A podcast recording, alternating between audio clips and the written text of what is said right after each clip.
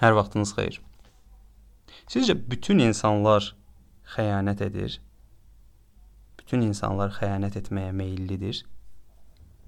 Bax, bu maraqlı sualdır.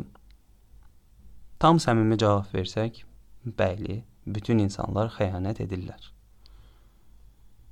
Mən bu verdiyim cavab yəqin ki, beyninizdə sizdə belə bir fikir formalaşdırdı. Necə yəni? Yəni mən qadınam, mən kişiyəm, mən eləməmişəm axı xəyanət. Amma burada belə bir sual yaranır. Axı xəyanət təkcə cinsəl məsələ üzərində qurulmur. Yəni bir kişiyə, bir xanımla münasibət təkcə bu deyil xəyanət. Başqa şeylər də var. Xəyanət psixoloji olaraq baş verən prosesdir. Amma gəlin sizə araşdırdığım bir maraqlı məsələni danışım. Biologiyada məsələn xəyanət anlayışı yoxdur. Təbiətdə heç bir xəyanət anlayışı yoxdur. Yəni xəyanət etmək biologiyanın vecinə deyil. Psixologiyanın vecinədir Sosial psixologiyanın isə ən böyük dərdidir. Biz xəyanət dedikdə əslində cinsi tərəfi nəzərdə tuturuq, amma belə deyil. Məsələ burada psixolojidir. Zaten xəyanətin əsas məsələsi psixoloji olaraq başlayır. Məsələn, fikirlərinə xəyanət eləyə bilirsən, prinsiplərin yoxdur və yolunu gedə bilmirsən, o getdiyin yola xəyanət eləyirsən. Və yaxud sənin hər hansı bir dəyərlərin var. Bu dəyərlərə xəyanət eləyirsən. Bunların hamısı prinsiplərin olmamasından və doğru şəkildə dəyərlərin və düşüncə formasının qurulmamasından irəli gəlir. Cinsi məsələ də bura aid ola bilər. Məsələn, necə ola bilər ki, misal üçün insan sevdiyi bir insana başqa bir xanımla və bəylə xəyanət eləyir. Biologiya buna xəyanət demir. Yəni bioloji olaraq belə bir şey yoxdur.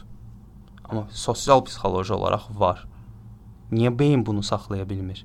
Niyə insan öz o bioloji olaraq genetik quruluşunu və sosial e, davranışını idarə eləyə bilmir? Səbəbi nədir görəsən? Biz xəyanət edən insanlara həmişə nə alçaq adamdır, nə alçaq qadındır. Niyə belədir? Həmişə belə deyirik də.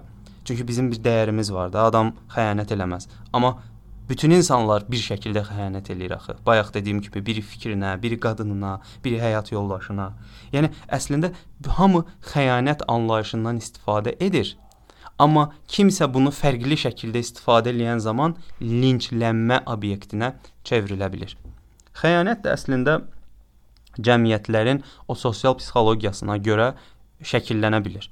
Məsələn, Azərbaycanda olan xəyanət anlayışı Almaniyada, İsveçrədə, Skandinaviyada Avstraliya və Afrikada tamamilə fərqli ola bilər.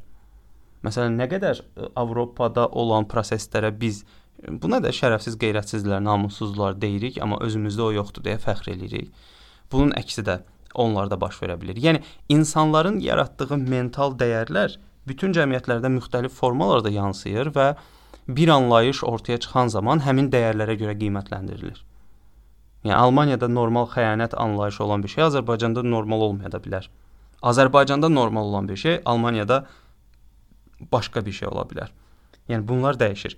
Dolayısıyla hamımız xəyanət edirik və əsas məsələ fikirlərimizə xəyanət etməməkdir və mən düşünürəm ki, insanı iradəli və güclü edən əsas bir şey onun prinsiplərini yaratmasıdır. Nə qədər çox prinsiplərin varsa, o qədər çox dayanıqlılığın artır belə fundamentin artır sənin. Ona görə prinsiplər yaratmaq, yəni məntiqlə duyğularını bir-birinə birləşdirib sənə uyğun olan bir prinsip yaratmaq gələcəkdə nəyəsə xəyanət etmə prosesini az da olsa azalda bilər deyə düşünürəm. Amma xəyanət həyatımızın tərkib hissəsidir və həyatımızın istənilən yerində fikirlərimizə kiməsə görə, nəyəsə görə xəyanət etməyə meylliyik. Podkastı dinlədiyinizə görə təşəkkür edirəm. Növbəti podkastda görüşərik.